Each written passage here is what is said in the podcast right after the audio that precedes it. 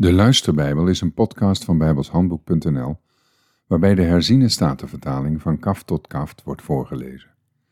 Dit is nummer 35. De Heere sprak tot Mozes in de vlakte van Moab aan de Jordaan, ter hoogte van Jericho. Gebied de Israëlieten dat zij van hun erfelijk bezit steden aan de Levieten moeten geven om erin te wonen. Ook moet u de Levieten de weidegrond geven die rondom die steden ligt. Die steden moeten zij hebben om erin te wonen, maar de bijbehorende weidegronden zijn voor hun vee, hun bezittingen en voor al hun dieren. De weidegronden die bij de steden horen, die u aan de levieten moet geven, moeten vanaf de stadsmuur naar buiten aan alle kanten duizend el meten.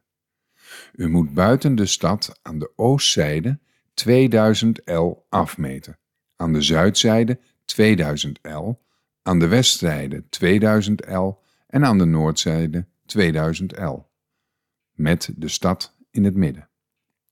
Dat moeten zij hebben als weidegrond die bij de steden horen.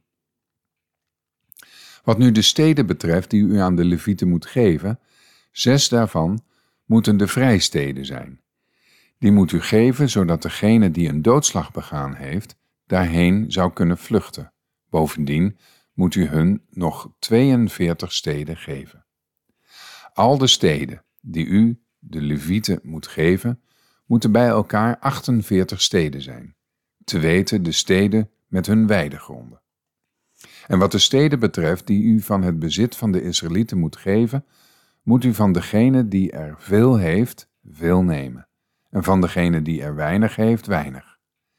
Ieder moet afhankelijk van zijn erfelijk bezit dat hij ontvangen zal hebben, een aantal van zijn steden aan de Levieten geven.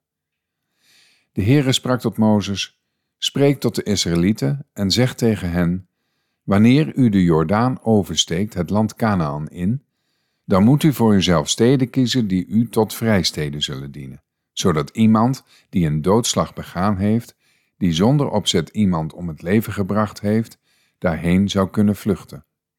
Deze steden moeten u dienen tot een wijkplaats voor de bloedwreker, opdat degene die een doodslag begaan heeft niet zal sterven voordat hij voor de gemeenschap heeft terechtgestaan.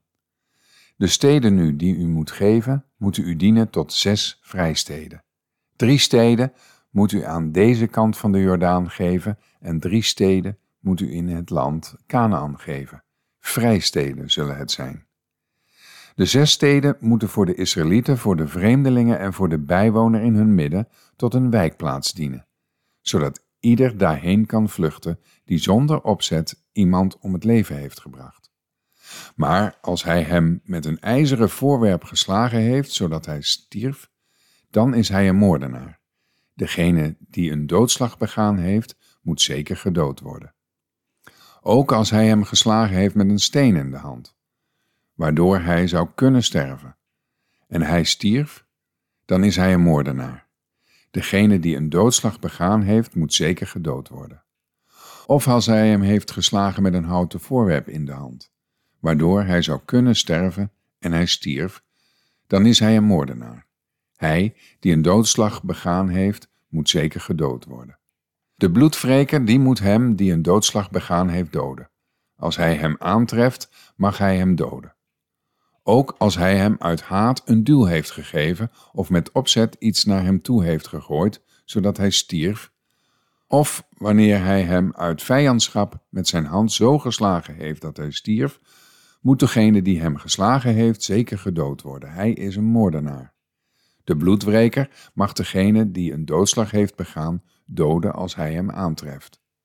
Maar als hij hem onverwachts zonder vijandschap een duw gegeven heeft of zonder opzet welk voorwerp dan ook naar hem toegegooid heeft, of zonder het te zien een of andere steen waardoor men zou kunnen sterven op hem heeft laten vallen, zodat hij stierf, terwijl hij geen vijand van hem was en niet zijn onheil zocht, dan moet de gemeenschap overeenkomstig deze bepalingen oordelen tussen hem die een doodslag begaan heeft en de bloedwreker.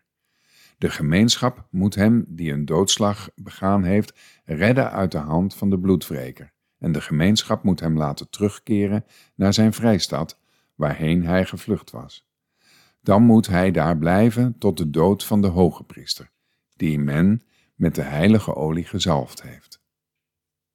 Maar als hij die een doodslag begaan heeft de grens van zijn vrijstad waarin hij gevlucht was, ook maar even overschrijdt en de bloedwreker vindt hem buiten de grens van zijn vrijstad, dan mag de bloedwreker hem die een doodslag begaan heeft doden.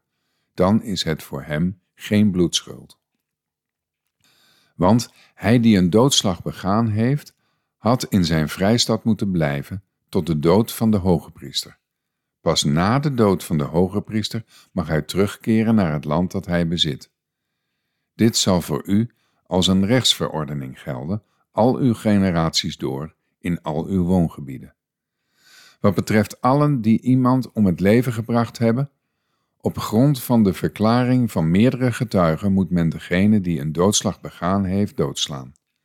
Er mag echter niet slechts één getuige tegen een persoon getuigen, zodat die zou moeten sterven. U mag geen losgeld aannemen voor het leven van degene die een doodslag begaan heeft, die des doods schuldig is, want hij moet zeker gedood worden. U mag ook geen losgeld aannemen voor degene die naar zijn vrijstad is gevlucht, zodat hij voor de dood van de hoge priester terug kan keren om in het land te wonen. U mag het land waarin u woont niet ontheiligen, want het bloed ontheiligt het land. Voor het land kan geen verzoening gedaan worden over het bloed dat erin vergoten is, dan door het bloed van degene die dat vergoten heeft.